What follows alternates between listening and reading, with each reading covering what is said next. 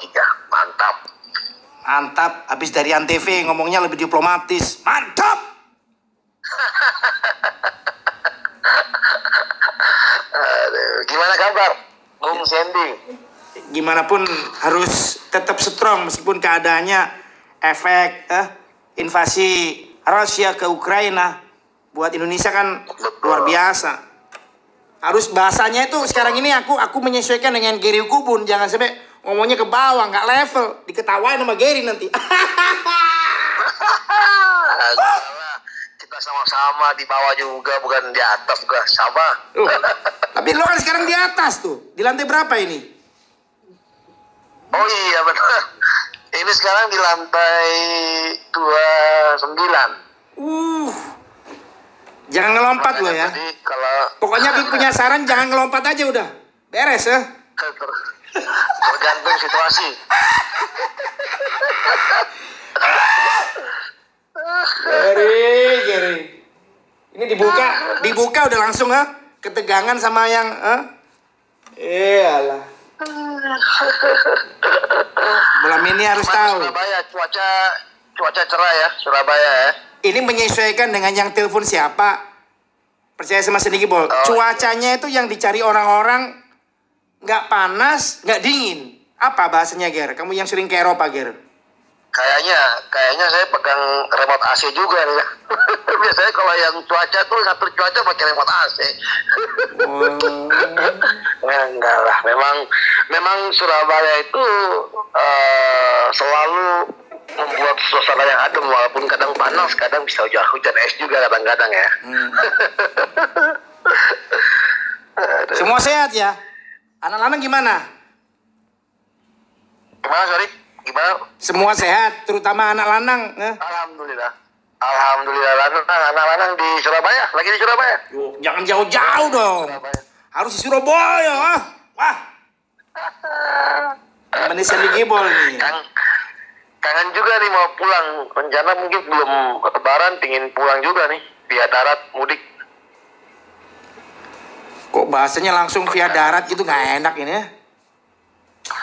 Iya, gini, kita via darat itu sebetulnya malah lebih enak. Kan kita lagi benar-benar menikmati perjalanan apa? Oh tahu tahu. Pulau Jawa. Artinya kalau lu bilang mau pakai jalur darat, ini kan tugasnya Gary mau bikin banyak eh, video pendek supaya nanti ketika ya sama dengan Sandy Gibol kan harus menghadap takdir itu menanti semua manusia di bumi ya kan? Itu ada legacy ya. Pesan-pesan yang dikasih Gary ini bolam ini harus tahu langsung aja. Gary lagi bikin banyak sebuah proyek yang itu kaitannya dengan TikTok, snack video apa pun. Cuman tak ingetin, video kalau dirilis sama Sandy Gibol jangan lupa ya platformnya sosial media kamu dicantumin. Sekalian promosi. Iya. kadang kita bikin karena memang saya tuh nggak tahu ya bro. Karena posisi biasanya kalau lagi mood bikin bikin bikin produksi yang banyak ya kan? Ya udah kadang-kadang kita nggak sempat untuk nulis eh, ini kita juga. Terus kalau yang di podcast itu kan memang ada teman-teman yang memang mereka eh, tim ya buat mempersiapkan. Jadi ada kalau video-video pendek itu kan murni aku sih yang bikin soalnya.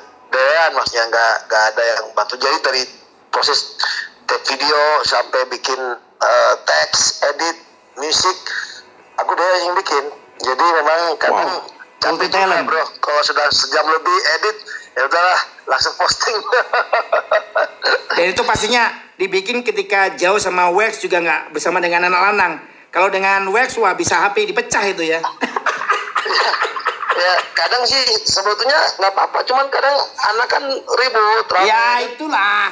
Di namanya di rumah kita juga susah Jangan, tapi belakangan dia udah bisa paham aku bilang satu menit ya aja satu menit ya nggak diam Udah. Jangan.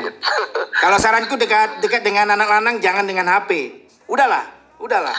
Betul iya. betul itu betul betul itu itu itu memang jadi eh, itu bukan apa ya tren gaya hidup atau mungkin fenomena perubahan peradaban jangankan cuman orang tua yang pegang handphone anak kecil pun sekarang banyak pegang handphone Ya aku bersyukur. Tahun. Kalau Gary ngomong tentang anak kecil pegang HP, aku bersyukur bisa memenangkan sebuah pertarungan yang katanya sekarang zaman orang tua ngalah sama anak.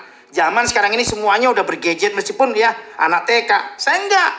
Yang lain aja saya nggak mau. Saya nggak mau. Saya pastikan bahwa anak-anakku tidak kena gadget. Nggak kena. Nggak kena. Aku bersyukur aja. Ya solusinya ketika aku nyuruh anakku nggak pakai HP, ya aku jangan jangan mainan HP. Percuma aja kita bikin aturan tapi dilanggar sendiri. Nggak mau. Nggak mau.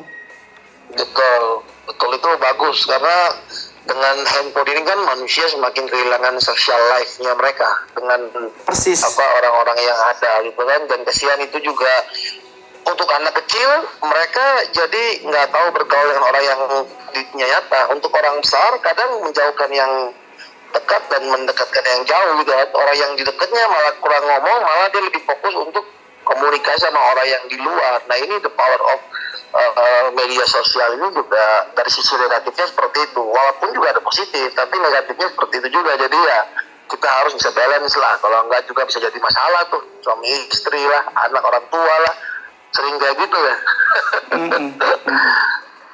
Oh, gitu Bung Sandy. Gimana kabar? Sehat-sehat semua ya? Alhamdulillah bulan puasa ya bulan Ramadan. Ini nanya dijawab-jawab sendiri gimana ini? kan aku udah tahu langsung aku wakilin aja jawabnya. Coba flashback sebentar, Ger. Flashback sebentar ke teman-teman ya. Itu kalau pada saat dulu berada di studio di sana, Amo masih ada, mungkin Jaica masih ada. Ini Gary pernah ngasih tawaran bola ini ya. Gary punya punya ajakan, lu gak usah eh, sampai tua nanti berada di sana. Ikut gua aja ke tua sana. Banyak pekerjaan bisa didapat, eh, di antaranya ngurusin hasil laut dan lain-lain. Ceritain dikit, Ger, supaya teman-teman yang sekarang ini berada di live TikTok, snack video, tahu Gary Kubun tual, gambaran tual seperti apa? Ceritain, Ger. Ceritain, Ger. Ya, jadi kalau di Tual ya sebetulnya di Kepulauan K sebetulnya. Kalau sekarang kan sudah ada dua eh, apa dua daerah pemerintahan ya. Jadi kota Tual sama Kabupaten Maluku Tenggara itu di Maluku. Itu memang daerah penghasil ikan. Terus sekarang juga eh, apa pariwisata juga lumayan maju ya. Walaupun memang dampak dari covid ini sangat memukul segala hal ya. Potensi terus eh, apa namanya sebetulnya kesempatan orang untuk bisa eh, mendapatkan peluang peluang kerja apa itu jadi habis semua karena covid ya dua tahun terakhir kita tahu semua.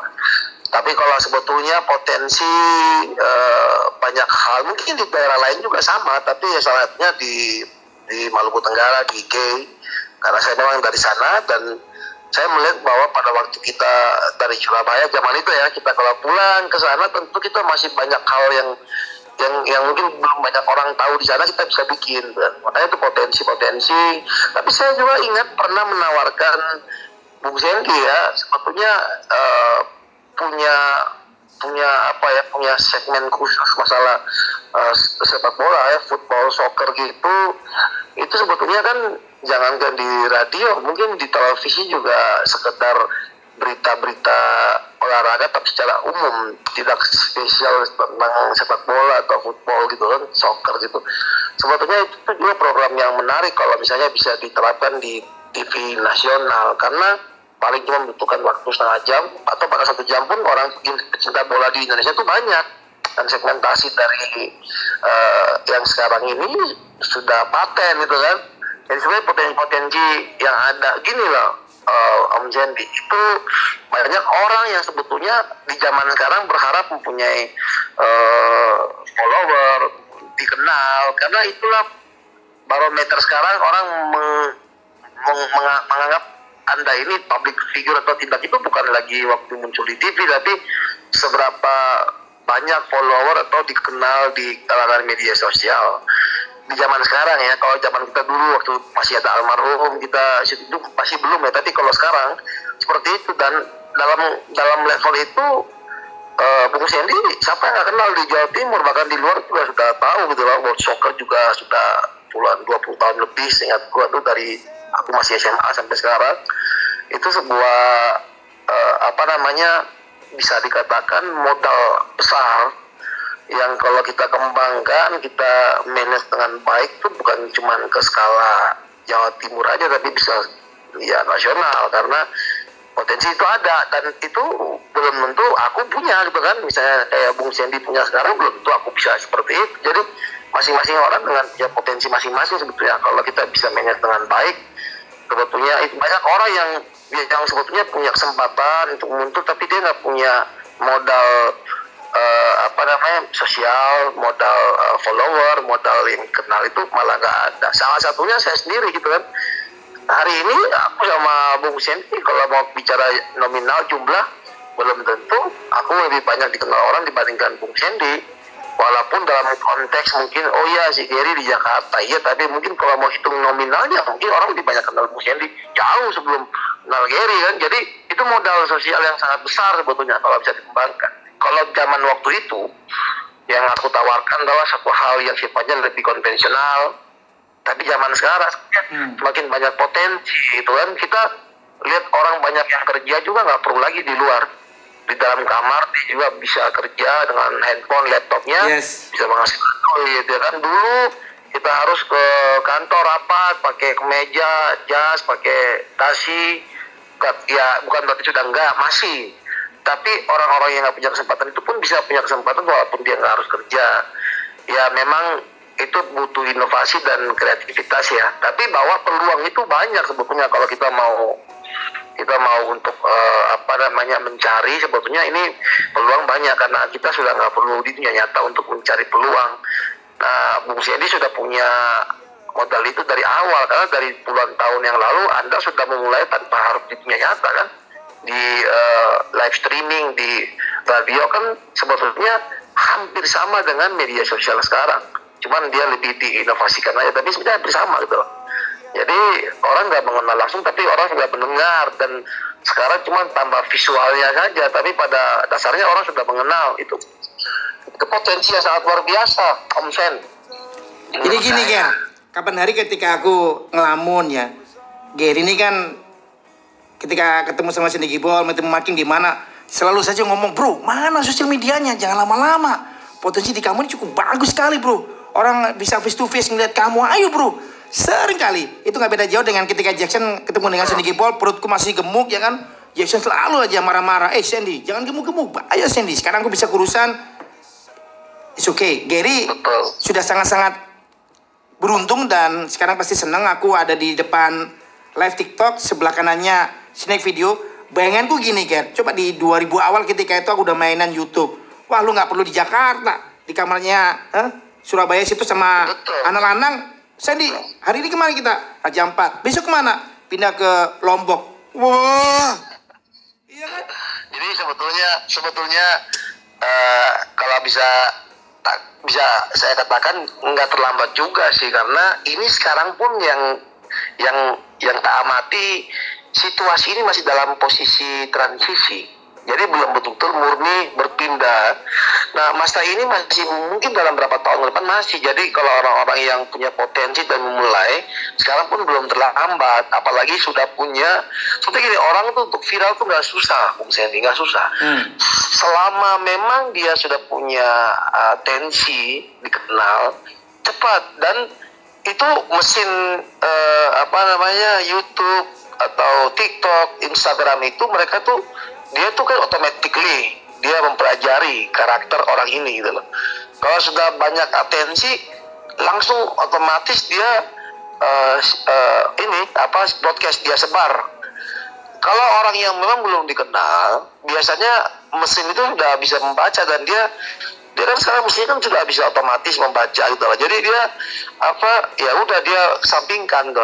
Nah kalau kayak begitu kan potensi buku Sandy sebetulnya jauh jauh lebih besar gitu kan karena sudah sudah lama gitu kan. Apalagi ada di dia broadcasting di hmm. radio itu gampang nggak susah sebetulnya. Makanya aku dari dulu ketemu kan aku bilang gitu loh. Kalau uh, start itu pasti bakalan cepat karena aku udah melihat potensi peluang itu, itu yang mungkin kebanyakan orang uh, tidak memahami dirinya mereka. Karena memang kan semua orang karakter berbeda-beda ya. Memang butuh teman butuh sahabat untuk berikan masukan itu penting lah. Untuk kita bisa maju mungkin kita nggak suka kelihatan apa yang menjadi potensi diri kita. Teman kita tahu.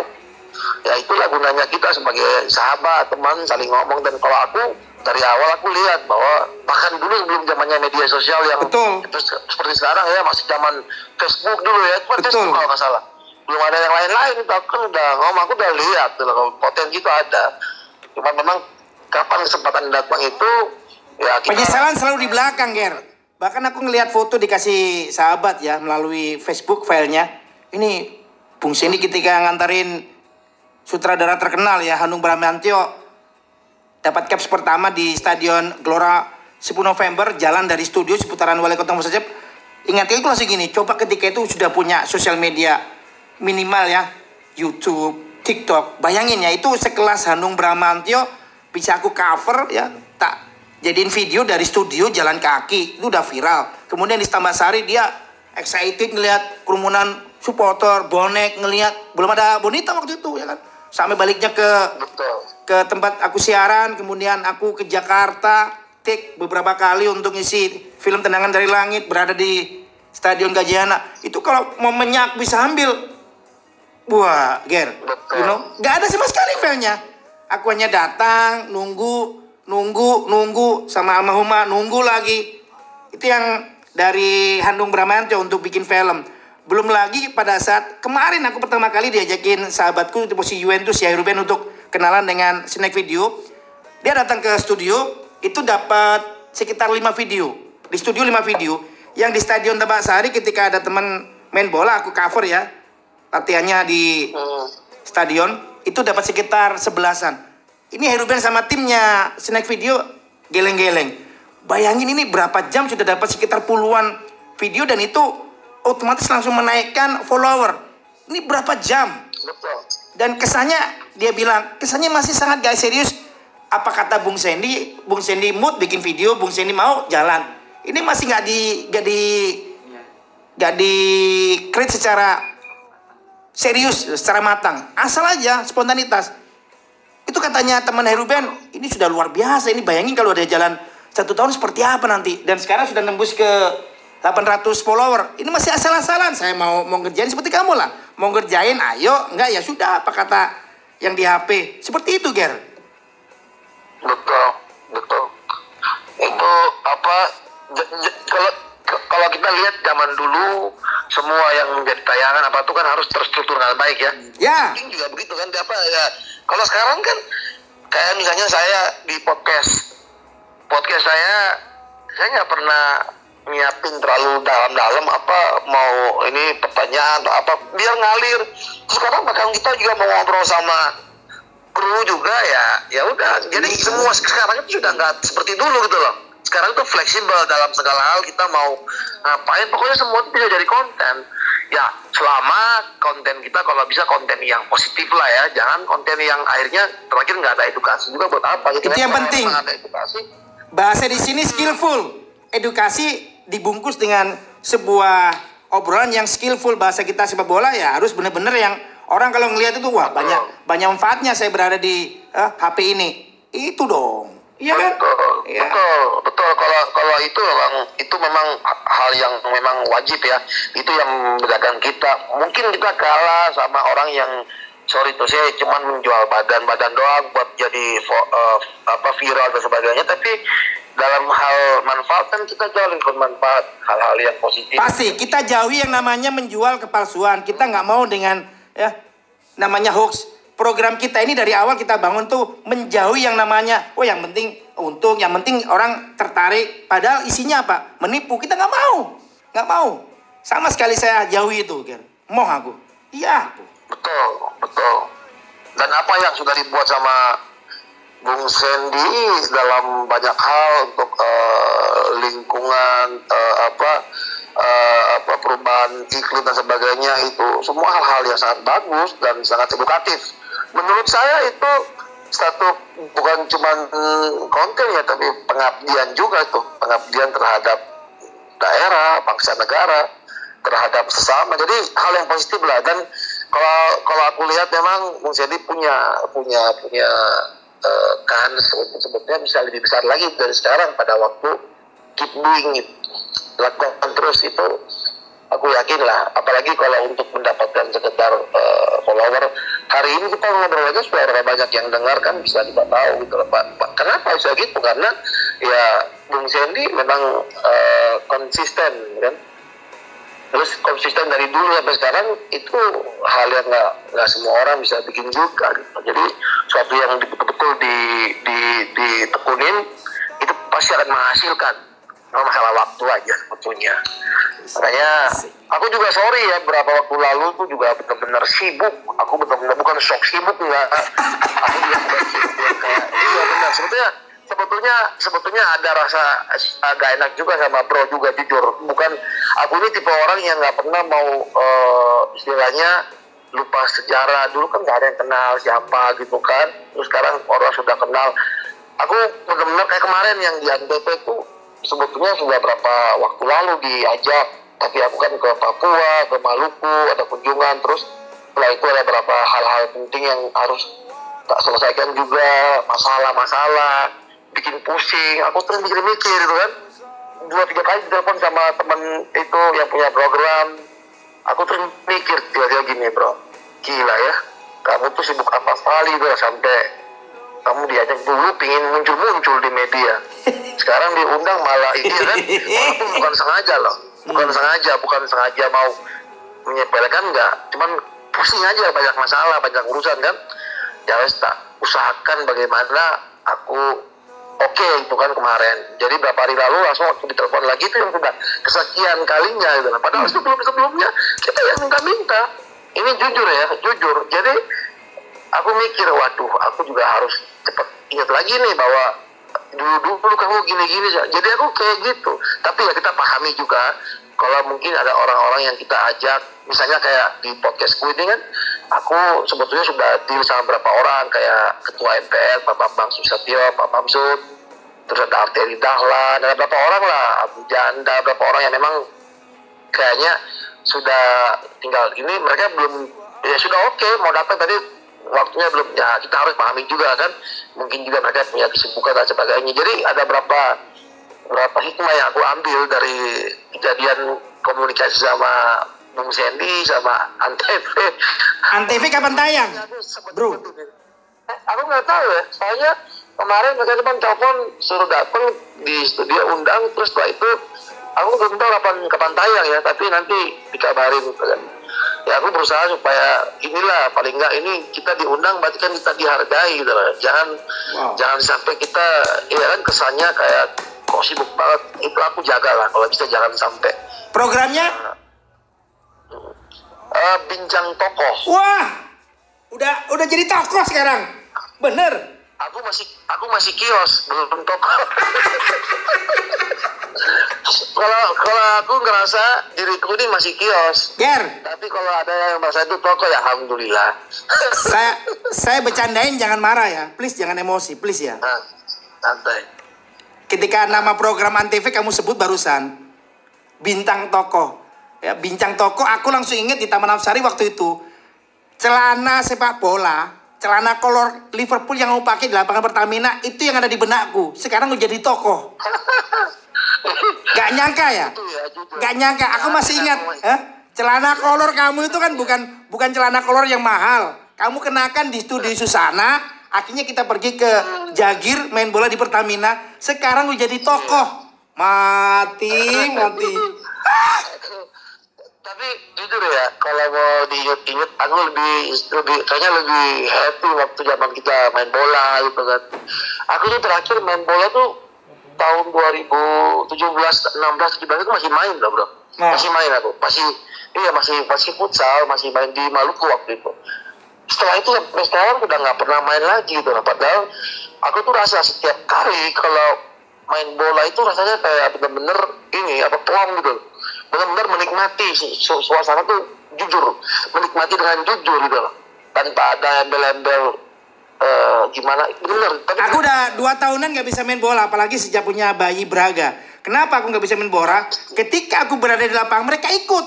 Aku takut nanti mengacau, you know? Gak bisa sudah. Jadi kalau pengen main bola ya empat empatnya ikut. Sandy Gibol, anak Wedo ikut main bola. Raul Braga, empat empatnya main bola sendiri sudah. Mamanya ngelihat sudah. Sudah itu aja, main bola sendiri. Terus gimana? Tapi memang adre, adrenalin anak-anaknya juga pasti sama kayak bapaknya ya. Semua pola pasti ya. Wah. Bener-bener kayak anakku juga gitu. Aku berusaha supaya paksa dia main basket kan. Tapi kalau dapat bola dia nggak mau lempar, dia mau tendang. Kalau ada ini mati. Masih adrenalinnya bola ini kan. Kayaknya harus dimasukkan ke apa namanya? Eh, Liverpool Youth atau Barcelona Youth Weh. kalau ada duit. Oke. Langsung ya nama klubnya disebutin hari ini ya. Liverpool. Ah, jadi gini, gini bro, jujur ya, aku ini kan eh, ya tahu lah kalau Barcelona, aku, aku tuh sebetulnya dari dulu memang eh, Liverpool dari dulu orang tahu gitu. Tapi yang lucu kalau setiap main PS, jadi sebetulnya di Jakarta ini aku masih sekali-sekali lagi main PS juga karena kebetulan ada PS di kantor, terus eh, aku tuh sebetulnya pingin pakai Liverpool. Tapi setiap kalau ketemu sama lawan-lawan itu rata-rata mereka pakai Liverpool. Akhirnya aku selalu pakai Barcelona. Jadi aku udah mikir dari zaman dulu PS2 itu sampai sekarang kalau main PS tetap Barcelona nggak bisa pindah-pindah karena mau pakai yang lain ada aja yang pakai itu. Ya udah aku pakai Barcelona. Jadi sampai sekarang Barcelona terus. Sama Liverpool. Mudah-mudahan pertandingan yang bagus.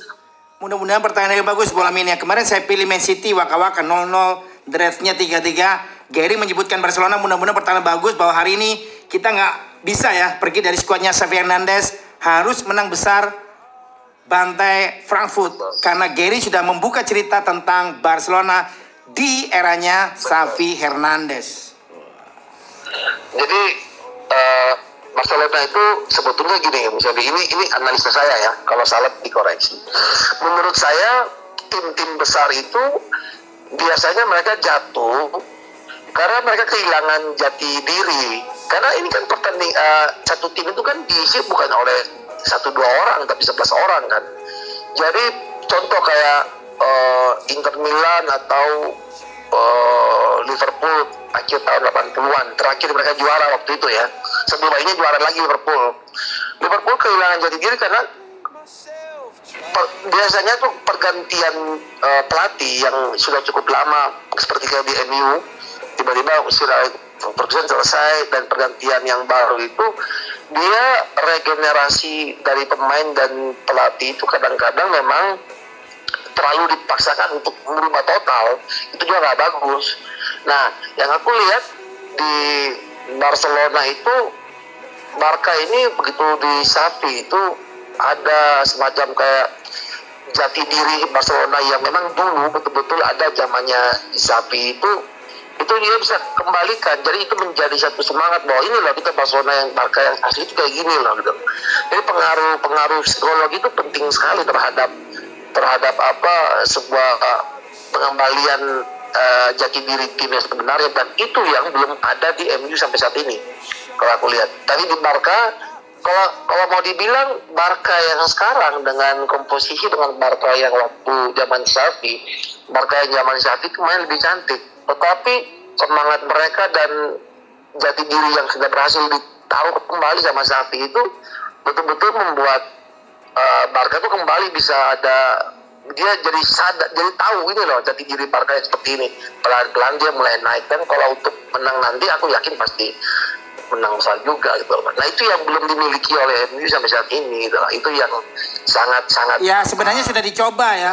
Ada Giggs, setelahnya Ole, tetapi kan dua figur ini yang dulunya sangat luar biasa menguasai Eropa dengan kepelatihan Sir Alex bukan orang Inggris asli, ya kan?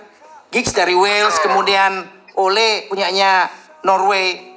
Saya nggak tahu kenapa belum ada yang datang di situ sebagai orang Inggris. Ini kan juga bukan sesuatu yang mudah sebagai manajer dari tim yang sudah sejarahnya waduh siapa sih nggak kenal United dulu ya sekarang jangan ngomong United diketahui banyak orang Hah? Ayam sayur United yang United yang sekarang katanya Ibrahimovic apa? Sorry ya teman-teman yang pecinta United ya. Jadi gini, in- intinya kalau menurut saya ini pelatih boleh hebat, boleh. Tapi kalau cuma hebat, tapi dia belum pernah merasakan atmosfer United yang sebenarnya yang dulu-dulu itu kayaknya agak susah supaya dia bisa balikan United seperti semula.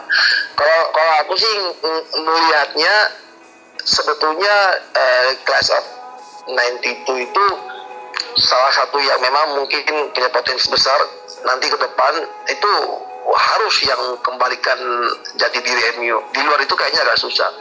Mau dibawa Guardiola, mau diambil klub juga, aku nggak yakin karena kayaknya MU itu lagi kehilangan ini uh, jati diri gitu loh. Jadi per, nah pergantian pemain yang cukup drastis pada waktu zaman hal itu salah satu juga potensi sangat uh, mempengaruhi sehingga yang baru-baru itu tidak merasa diri sebagai jati dirinya memang pemain tapi secara psikologinya belum dapat gitu. walaupun hebat nah itu mengubah mengubah apa mentalitas dan uh, ritme dari MU yang terbangun waktu zaman Alex Ferguson kalau aku lihat seperti itu.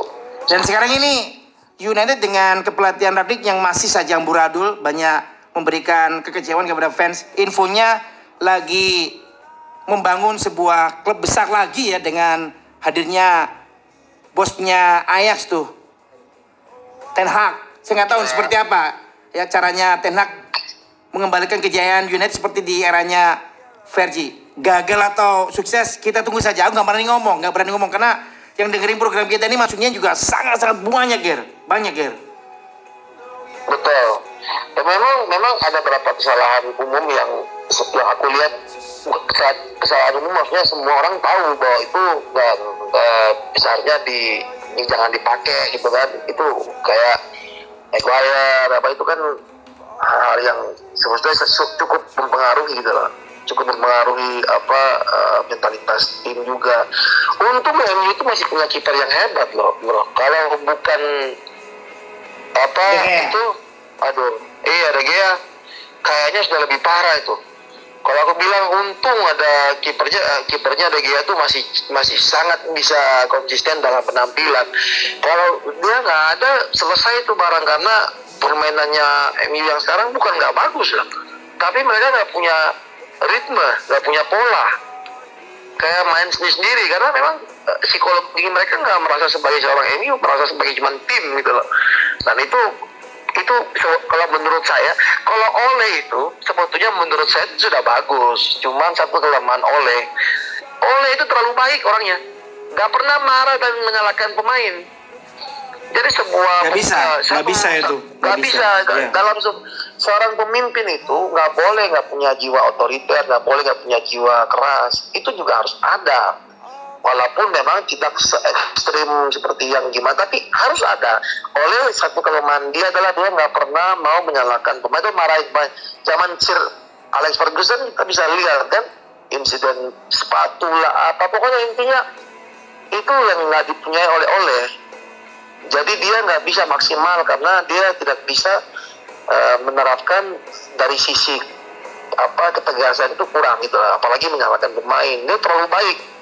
Itu yang membuat dia nggak bisa menjadi pemimpin yang besar. Karena pemimpin yang besar itu dia harus kadang memang dia mesti uh, santai tapi kadang dia juga harus keras. Karena memang karakter pemain kan berbeda-beda gitu itu yang dia nggak punya.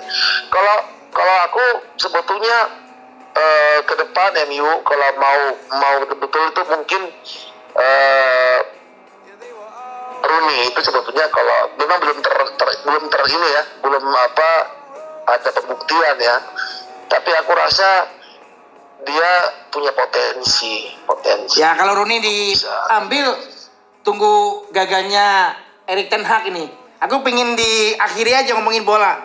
Satu isu yang lain harus dibahas dengan Gary tentang respect bagaimana sekarang ini cara eh, mendapatkan rezeki yang gampang. Sesaat lagi aku hanya minta ke Gary dikasih kesimpulan Erik Ten Hag ini kelahiran Habsbergen Belanda apakah ceritanya nggak beda jauh dengan Van Hal gagal lagi atau menurutmu ada potensi bisa konsisten di jalur juara? Bagaimana Ger?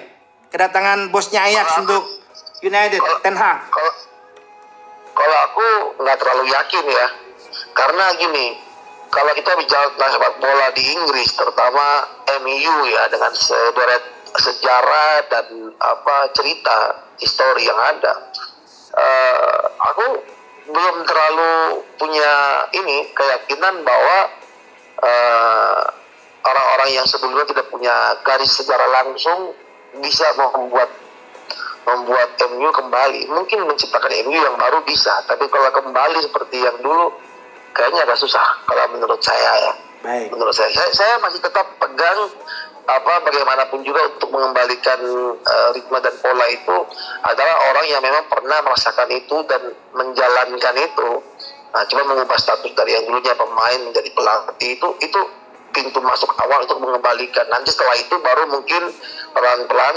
diinovasikan orang-orang yang tidak punya sejarah yang sama dengan MU. Tapi kalau sekarang ini proses MU itu adalah mengembalikan jati diri MU. Bukan masalah MU dia harus bisa juara enggak. Mengembalikan jati diri ini yang aku lihat agak berat untuk semua apa asal-asal orang cuma karena menang nama atau karena punya prestasi di luar nggak nggak segampang itu. Itu butuh waktu cukup lama. Kita bisa lihat kan sejarah Liverpool juga dari terakhir tahun 89 kalau nggak salah. Baru betul-betul juara di zaman Jurgen Klopp. Itu pun setelah melewati dua dekade gitu. Iya. cukup lama gitu. Dan itu itu tidak tidak Dan doanya tidak- doanya supporter Liverpool kalau bisa ya United ini harus lebih lama dibandingin yang kemarin puasa gelarnya The Reds supaya adil. Bener kan? Adil dong. memang di zaman di zaman 2000-an kan masih ingat kan bro kalau nggak MU ya Arsenal, MU ya Arsenal, Henry ya pokoknya Ruth Van Nistelrooy ya zaman-zaman itu ya zaman-zaman itu kita lihat di Liverpool itu dari aduh kayaknya mm, endus gitu loh cuman di lima empat lima kadang enam bolak balik bolak balik tapi ya itu itu itulah yang namanya hidup kan. Hidup itu selalu akan ada perubahan. Nggak ada yang selalu di atas nggak ada yang selalu di bawah. Kalau kamu lagi di atas jangan sombong gitu kan. Ada waktunya kamu akan ke bawah. Kamu di bawah juga jangan mengeluh sama Tuhan. Tuhan tahu pasti kamu nanti akan balik juga gitu. jadi hidup ini ya kita nikmati aja. Nggak usah kita menyalahkan siapa-siapa atau sombong gitu kan. Jadi apa aku rasa kita bisa ambil pesan moral juga dari cerita MU sama Liverpool. Seperti itu. Jadi ya, ya harapan saya sih apa MU juga bisa mulai inilah apa mulai bangkit lah. Karena biar lebih seru lah jangan sampai cuman eh, Man City sama Liverpool. Kan sekarang ini kan Man City Liverpool kan kayaknya modelnya seperti kalau kayak di eh, La Liga seperti cuman Real Madrid sama Barcelona. Gitu jarak cukup jauh ya sama Chelsea juga. Cukup jauh juga gitu kan. Jadi tapi ya tetap seru lah. Tetap seru kita masih bisa ngikutin. Saya masih non kemarin yang Man City sama Liverpool saya nonton sama Bang Akbar Faisal di di villanya di hutan itu benar hutan pokoknya. Nonton kita di situ. Yang paling kibol siapa? Teman kamu ketika aktivitas di Jakarta di mana pun. Siapa? kenapa? Hah? kenapa? Kenapa sorry? Teman ngobrol yang gibol seperti aku di Jakarta di mana pun kamu ada waktu untuk melihat tayangan apa pun ya. Eh, Pak Pasek itu ketua umum partai. Dia dia kan salah satu pemegang saham Bali United juga kan. Beliau pecinta bola beliau juga punya berapa Siapa? Pak Pasek Suar itu Pasek Suardika beliau kan memang pecinta bola. Beliau salah satu yang dulu pegang sahamnya Bali United dan juga beliau punya klub Bali East sama apa? Sekarang masih ada saham yang dipunyai Pak Gede Pasek? Ada? kalau nggak salah mungkin sudah dilepas. Kalau nggak salah mungkin sudah dilepas sama Pak Gede Pasek. Tapi bahwa beliau pecinta bola beliau pecinta bola gitu. Bahkan saya juga sama beliau juga sering berhadapan di dunia winning eleven juga. Kadang-kadang juga tanding juga. Jadi Hmm. itu kan sudah bisa kelihatan itu kan bagaimana orang mencintai bola. Dan beliau sekarang kan juga komisi salah satu komisioner eh, apa pengadilan PSSI ya kalau nggak salah. Hukum bagian hukum yang untuk membuat hukuman terhadap kesalahan-kesalahan itu beliau salah satunya. Salah satu komisioner. Baru tahu aku. Gede Pasek Suardika ya. GPS ini sebagai ketua umum Partai Kebangkitan Nusantara ternyata masuk juga di jajaran pengurus PSSI baru tahu dari kamu ini Ger. Wah malu aku. Iya, beliau ketua, eh, bukan ketua, beliau salah satu ada lima orang yang menjadi hakim dalam apa komisioner itu eh, apa eh, pengadilan PSSI kan. Kalau bisa kasih kasih kasih hukuman itu beliau salah satunya anggotanya karena memang memang kecintaan dia terhadap bola besar dia punya klub dua klub yang liga. Dan dia juga bahkan memberikan saran kepada sahabatnya dia namanya Roni Sapulete. Dan si Roni akhirnya disuruh bikin klub juga di Maluku namanya Nyong Ambon FC jadi dia kalau mau dibilang kontribusi terhadap eh, apa dunia sepak bola di Indonesia dia sangat ini cuman tidak terlalu banyak diketahui orang ya karena kan orang lebih mengenal beliau sebagai seorang politisi. Tapi betul-betul pecinta bola itu dan dan dia bu- ma- bahkan ada di dalam jajaran PSSI juga ada juga sebagai eh, apa owner klub Liga 2 apa Liga 2 ya Liga 2 kemarin. PKN agenda agenda paling dekat ke Surabaya dengan kamu bisa eh, ajakin Gede Pasek Suardika berkunjung ke Kota Buaya kapan? Ada nggak? Dalam waktu dekat ini setelah Lebaran? sebetulnya kalau beliau paling sering ke Bali ya karena bolak balik di Bali. Tapi kalau di Surabaya saya belum tahu. Terakhir kemarin beliau ke Semarang. Tapi kalau mungkin karena sekarang lagi sementara persiapan verifikasi partai jadi mau nggak mau kita mesti lebih banyak di Jakarta tapi kalau misalnya nanti beliau ada kunjungan ke Surabaya saya akan kondisikan supaya beliau juga bisa diundang kalau berkenan sama Susana karena kalau untuk eh, Itu rekomnya Gary pasti diperhatikan sama beliau. Wah tako nih. eh, cocok banget kayaknya kalau beliau sebagai orangnya toko ya kalau beliau itu toko itu toko Kalau Gary masih kios. Saya masih kios. Saya masih kios. Jadi kalau bal-balan beli rokok gampang. Beli di kios saya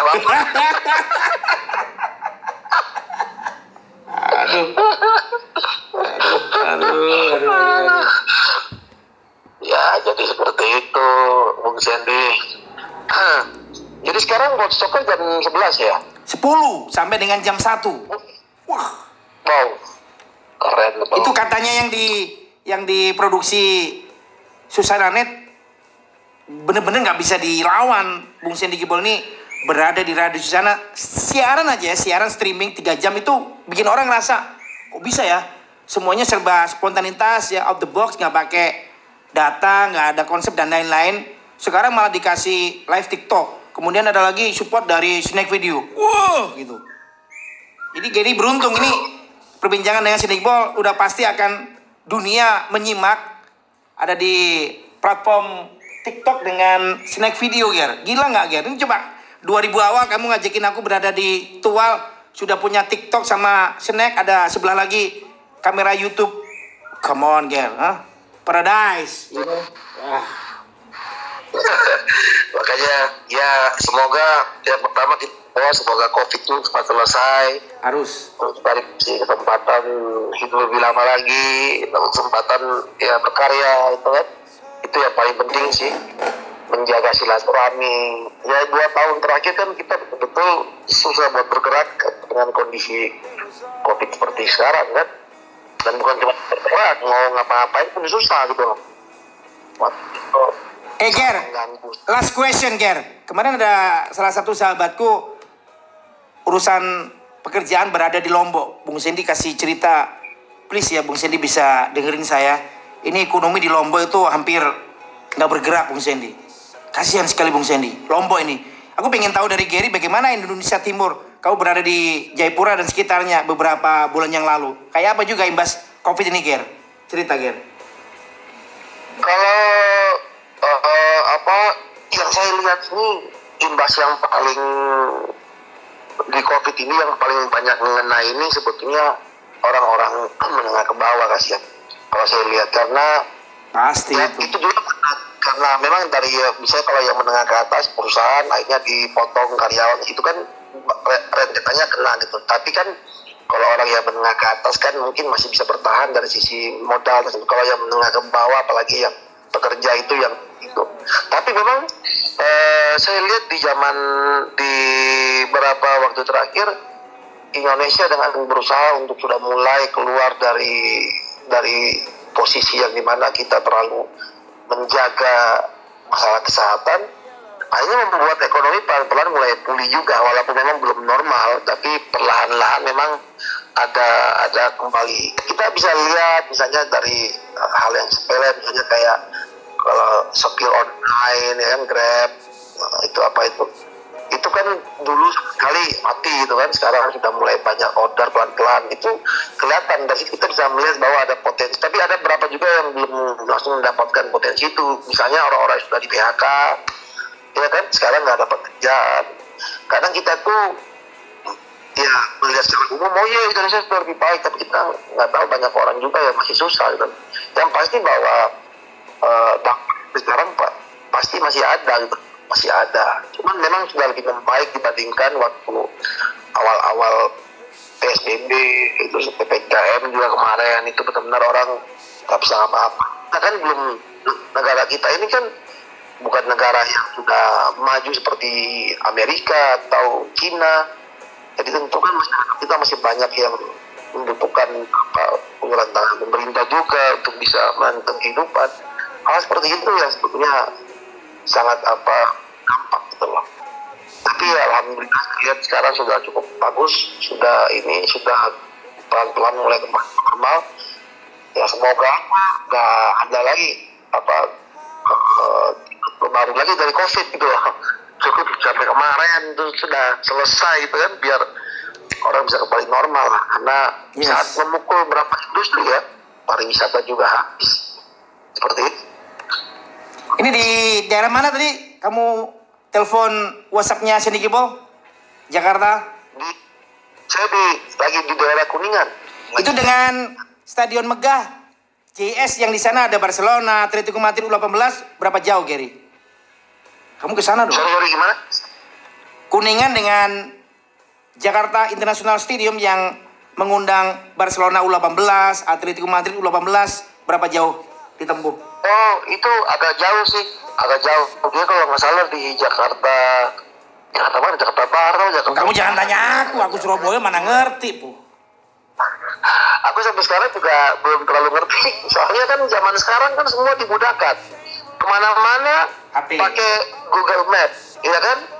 Jadi kalau kita lihat Google Map kan nggak pernah lihatnya apa gitu kan. Kita nggak tahu ancam-ancam kita kayak gini.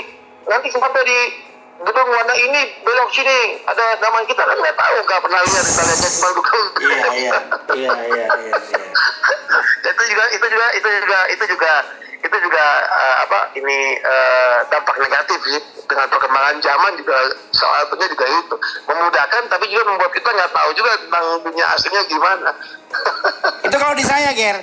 Kalau di sini Gibol aku masih pakai yang cara lawas cara klasik. Tanya nggak tahu dari dari aku tanya akhirnya berteman dengan orang itu besok ketemu lagi menjadi sahabat kunus.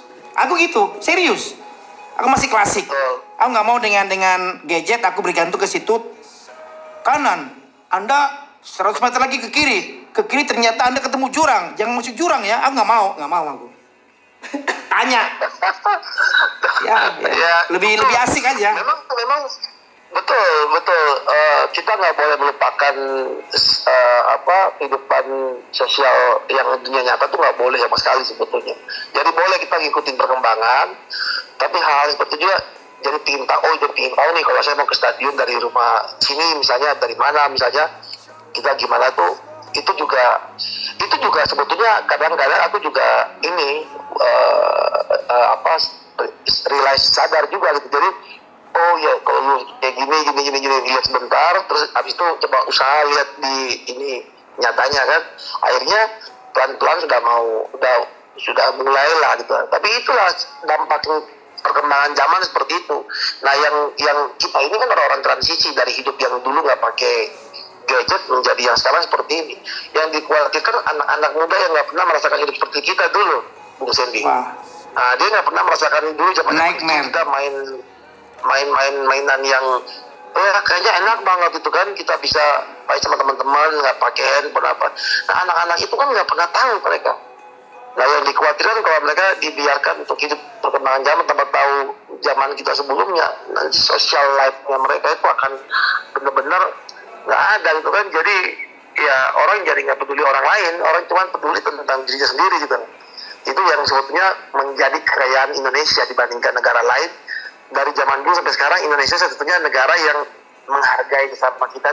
Kalau di luar negeri mereka jalan kayak patung gitu nggak peduli kiri kanan kalau di kita kan masih selalu nyapa ada punya budaya saling bantu. Apa kalau di luar negeri kan nggak ada. Mereka betul-betul kayak robot. Kayak robot loh.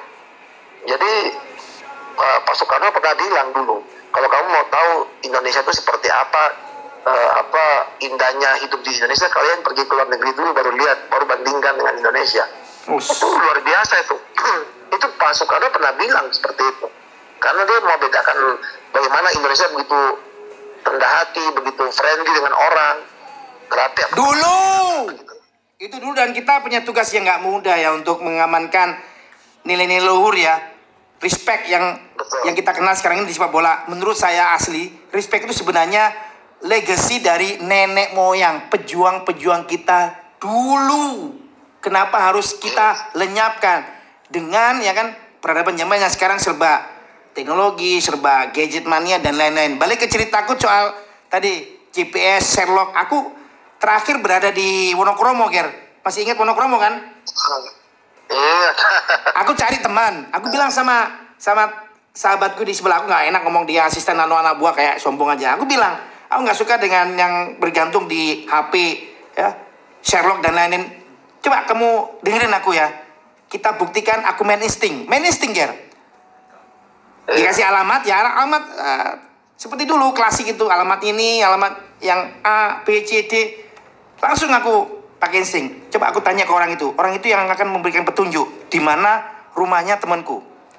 Yakin Bung Zenit ya orangnya kamu tahu udah tua tapi banyak tato aku main insting orang itu akan memberikan petunjuk daripada tanya yang lain. Nanti dijawab saya bukan orang sini nggak tahu di mana. Udah makan waktu sedangkan saya dikejar jam 10 harus siaran Ger. Apa yang terjadi?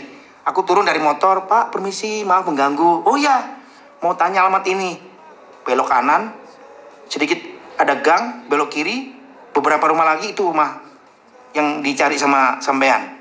Beneran Ger sekali dia memberikan petunjuk itu rumahnya. Artinya bisa menghemat berapa menit saya? You know sekali tunjuk itu orang yang memberikan alamat nanti. Tenang aja. Insting. Suka saya Ger. Wah, betul betul. Nggak menjamin. nggak menjamin aku turun datang ke rumah orang. Nanti dijawab saya baru pindah ke sini pak. Nggak tahu alamat ini. Udah lima menit terbuang percuma. Nggak mau nggak mau. Iya. Feeling. Iya iya betul betul betul ya intinya kita inilah bangga terhadap jati diri kita sebagai orang Indonesia bangsa kita itu Harus, aja. Nusantara udah. Harus. Itu juga yang aku pingin. Aku pingin kamu bawa di Jakarta bahwa Gary besar di Surabaya. Surabaya itu banyak ya tentang budaya bisa diceritain ke mereka-mereka di ibu kota. Banyak sekali cerita Iya. bagaimana kita bersahabat nggak hanya dengan orang ya sesama Jawa dari eh, Kalimantan dari tempat mana pun ya itu kumpulnya di Surabaya. Perjuangan kita kan menjelaskan secara konkret secara detail. Bagaimana kita lawan penjajah seperti itu ya dari mana pun ya. Nusantara bersatunya di kota Pahlawan Gary. Iya Ger. Betul betul betul betul betul. Dan jujur saja Bung Sandy saya adalah orang yang memang lahir dan besar di Maluku ya di kampung saya di Tual di di K. Saya eh, merasakan Surabaya itu menjadi kota kedua saya gitu aja. Jadi gini, pada waktu orang berbicara tentang Surabaya secara tidak langsung, secara refleks ya, saya itu merasa memiliki. Nah itu kan secara langsung, secara setelah di alam bawah sadar mengatakan bahwa saya juga merasa bagian dari Surabaya. Jadi uh, proud to Surabaya, bangga gitu. Jadi itu itu itu menunjukkan bahwa saya bukan uh, cuman bangga sebagai orang Maluku atau seperti, seperti orang K misalnya. Saya juga bangga sebagai kenapa? Karena saya juga menghabiskan waktu setengah hidup saya kan juga di sana gitu di Surabaya. Bahkan bisa dikatakan pada waktu saya mulai mencari jati diri saya SMP SMA kuliah itu itu kan wa- waktu-waktu kita mulai mulai beranjak dewasa ya, mulai mencari tahu jati diri. Itu saya dapatnya di Surabaya. Sehingga memiliki Surabaya itu bagian dari perasaan saya di alam bawah sadar selain Maluku. Itu yang sering saya ngomong kalau sama teman-teman di Jakarta tentang kemarin juga di ANTP saya ngomong saya menghabiskan waktu setengah hidup saya di Maluku, setengah hidup saya di Surabaya. wow wow. saya merasa bagian dari semua gitu kan sesuatu yang memang menurut kita itu bagus ya perlu kita ngomong dong nggak perlu kita diam-diam buat apa kan? Jadi saya bangga sebagai orang Maluku bangga juga sebagai orang Jawa Timur terutama Surabaya ya. Diulang-ulang terus. Kenangan indah lah. Bincang toko durasinya berapa ini? Terakhir. Dari tadi terakhir terus. Bincang toko di Antv durasinya berapa lama itu? Ini ini ini kalau final champion ini sudah kelebihan apa namanya? Uh, injury time. Pelatih sama pemain juga protes protes wasit! Wasit! Aduh, aduh. Ger berapa durasinya Ger? Yang di bincang toko Antv Ger.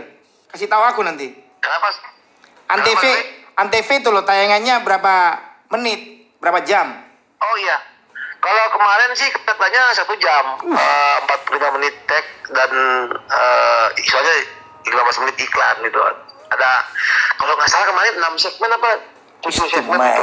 Terus ditanyain uh, Pak Geri mau berapa segmen terus istirahat dulu. Oh saya nggak suka istirahat istirahat. Saya pak nggak suka istirahat karena ketika saya di radio sana nggak pernah pakai break break langsung semuanya ngalir aja pak. Iya, iya pak. Saya, saya ngomong uh, jangan jangan istirahat loh kenapa? Nanti malu sama Bung Sandy sama Bung Sandy hostnya dia tiga jam nggak? Ger, bilangin sama Antv di Surabaya tiga jam nonstop. Kenapa pakai break break? Nanti bikin saya makin gemuk ini banyak minum ah. Half time half time turun minum turun minum Ger. Aduh. Anjir. Aduh. Luar biasa. Ini nggak nggak kerasa berapa lama kita ngomongin sudah? Ha? Wih, hampir satu jam, 57 menit. Wow. Iya. Nggak pakai nggak pakai break loh ya, Bapak. Bapak nggak pakai break ya, nggak pakai segmen untuk iklan ya, nggak pakai ya. Nah ya. Pokoknya kalau yang namanya ngomong, kita nggak perlu pakai yang lain-lain, ngomong aja. Udah, nah, nah, berhenti. Gila. Eh, produser diatur sama Gary. Berhenti kalau kalau berhenti main bola di tengah ini berhenti kan lemes lagi kan? Iya iya iya iya. Ya. Menit selesai. Gary ini penganut penganut kick and rush bola mini ya. Hah? Gak ada itu sepak bola pelan-pelan. Penganut Premier League. kick and rush. Bung Seni selamat siang. Salam hormat Bang Bang Gary Hukubun. Saya pernah berada di Saum Laki tiga tahun. Mana itu Ger? Wah keren. Saum Laki itu Uh, eh, daerah Maluku Tenggara Barat. Jadi Kepulauan Tanimbar itu daerah surprise.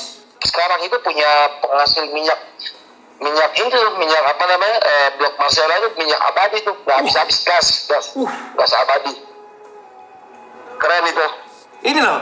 Percaya nggak? Ada yang barusan berada di TikTok menyapa Gary Kubun Bung Sandy. Saya tinggal di Saum Laki tiga tahun lebih. Wow, applause. Indonesia, Nusantara Keren. kita. Wow. Saum Laki. Namanya kok bau-bau eh? Jawa ini Saum Laki ya. sama lagi itu di dekat Australia itu itu dekat sekali sama Australia keren. Itulah Indonesia kita kan? Iya, kita merasa memiliki biarpun kita dari Aceh kita merasa memiliki dari Papua Papua juga sama. Indonesia itu gede itu Nusantara kita kuat. Jadi kita harus semangat nggak boleh kita merasa diri kita nih bangsa kecil kan? Eh ngomongin ngomongin Aceh, itu bertemu dengan salah satu keluarga di Banda Aceh, kampung halaman nenekku disuruh pulang, Ger. suruh pulang ke Aceh? Ya aku nanti off off air aja tentang minyak lagi nih. Waduh, keren.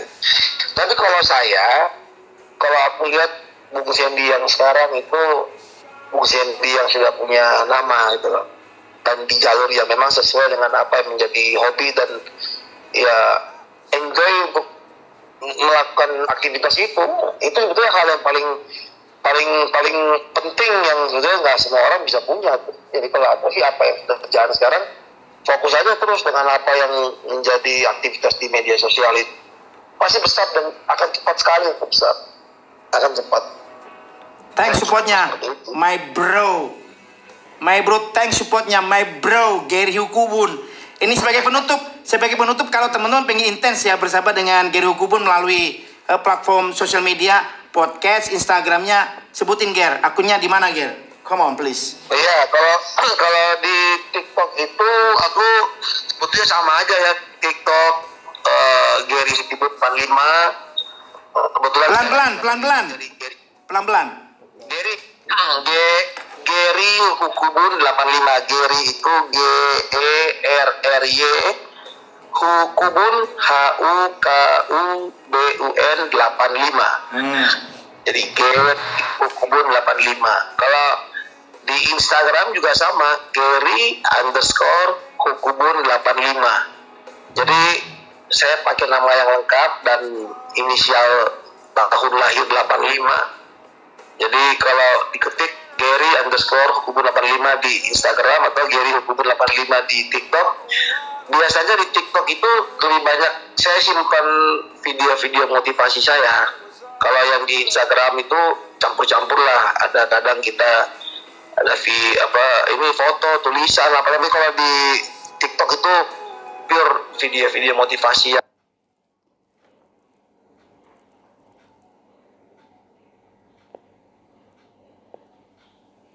biasanya saya Saya buka ini misterinya. Ya, Gibol Susana kadang-kadang nggak percaya, Ger.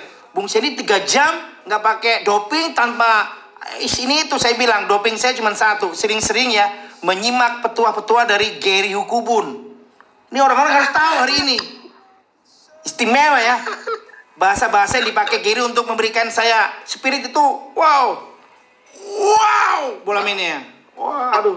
menurut kita kita kan punya uh, itu apa saya kan punya podcast namanya energi kata kalau teman-teman mau lihat mohon bantu subscribe ya di energi kata energi kata Gary Hukubun itu kenapa saya kasih nama energi kata Bung Sandy karena mulut yang keluar ini selalu ada energi apa yang kita bicarakan ada energi contoh nih kita bisa membuat orang saling bunuh-bunuhan dari mulut kita Ya. kita bisa membuat orang bisa saling baik, bisa pokoknya mempengaruhi orang. Berarti kan ada energi dari mulut. Kita nggak pakai energi tangan, energi tangan dalam nggak mulut aja, energinya kuat sekali loh. Iya. Makanya saya bikin energi kata teman-teman yang mungkin lagi mendengarkan eh, bincang sekarang energi kata Gary Hukubun di eh, YouTube itu banyak sekali eh, apa video-video Motivasi. apa dengan narasumber ya narasumber juga narasumber ya memang narasumbernya su- orang-orang sukses semua nah itu itu Saya, saya ini nggak bisa masuk ke sana. Saya nggak sukses ini. Wong ini. Artinya artinya kan kita membutuhkan orang-orang yang sudah mencapai eh, apa tujuan mereka. Kita ingin tahu sih gimana tips-tips mereka. Itu ada di di di YouTube. Energi kata Gary Hukubun itu. Itu itu teman-teman silakan nonton eh, lihat di channel energi kata Gary Hukubun itu. Dan kalau bisa dan suka please subscribe ya biar bisa ada video-video baru lagi dan bisa menjadi motivasi seperti Bung Sandy. Weh. Weh. Ger, Ya, paling akhir dari yang akhir dari tadi akhir terus sampaikan selamat menjalankan ibadah puasa selamat menunggu momen kemenangan ditutup dengan kalimat buang sampah jangan sembarangan Gary Hukubun buat Gibol Susana please oke. Jadi yang pertama saya ingin mengucapkan bagi semua saudara-saudaraku yang beragama Muslim, ini bulan yang sangat suci, bulan Ramadan, bulan di mana kita sebetulnya ini tidak berbicara tentang menahan lapar saja, tapi menahan hal-hal yang membuat kita jatuh dalam dosa, amarah, emosi, dendam. Jadi semoga di bulan suci ini bisa memberikan apa eh, kedamaian, bisa membawa kesukacitaan buat semua yang menjalankan dan amal ibadahnya diterima Allah Subhanahu wa taala. Amin. Ini satu bulan yang akan menghapus kesalahan-kesalahan dari 11 bulan sebelumnya dan semoga ini menjadi apa perubahan kita yang mungkin akan setiap hari lebih baik, lebih baik dan lebih baik lagi. Sekali lagi menjalankan ibadah puasa bagi semua saudaraku. Semoga amal ibadah diterima Allah Subhanahu wa taala. Amin ya rabbal alamin. Penutup tadi saya sudah lupa buang sampah pada tempatnya jadi itu ya. iya iya iya diulangi pelan-pelan agak keras itu Itu itu soalnya buat saya sekarang ini menjadi uh, lagu wajib saya berada di susana. Buang sampah jangan sembarangan. Orang lain nganggap gak penting tapi buat saya itu sebagai sesuatu yang very very important, Ger. Wah bahasa aku, Ger. Betul, luar biasa. Jadi aku ngomong ya, Ya.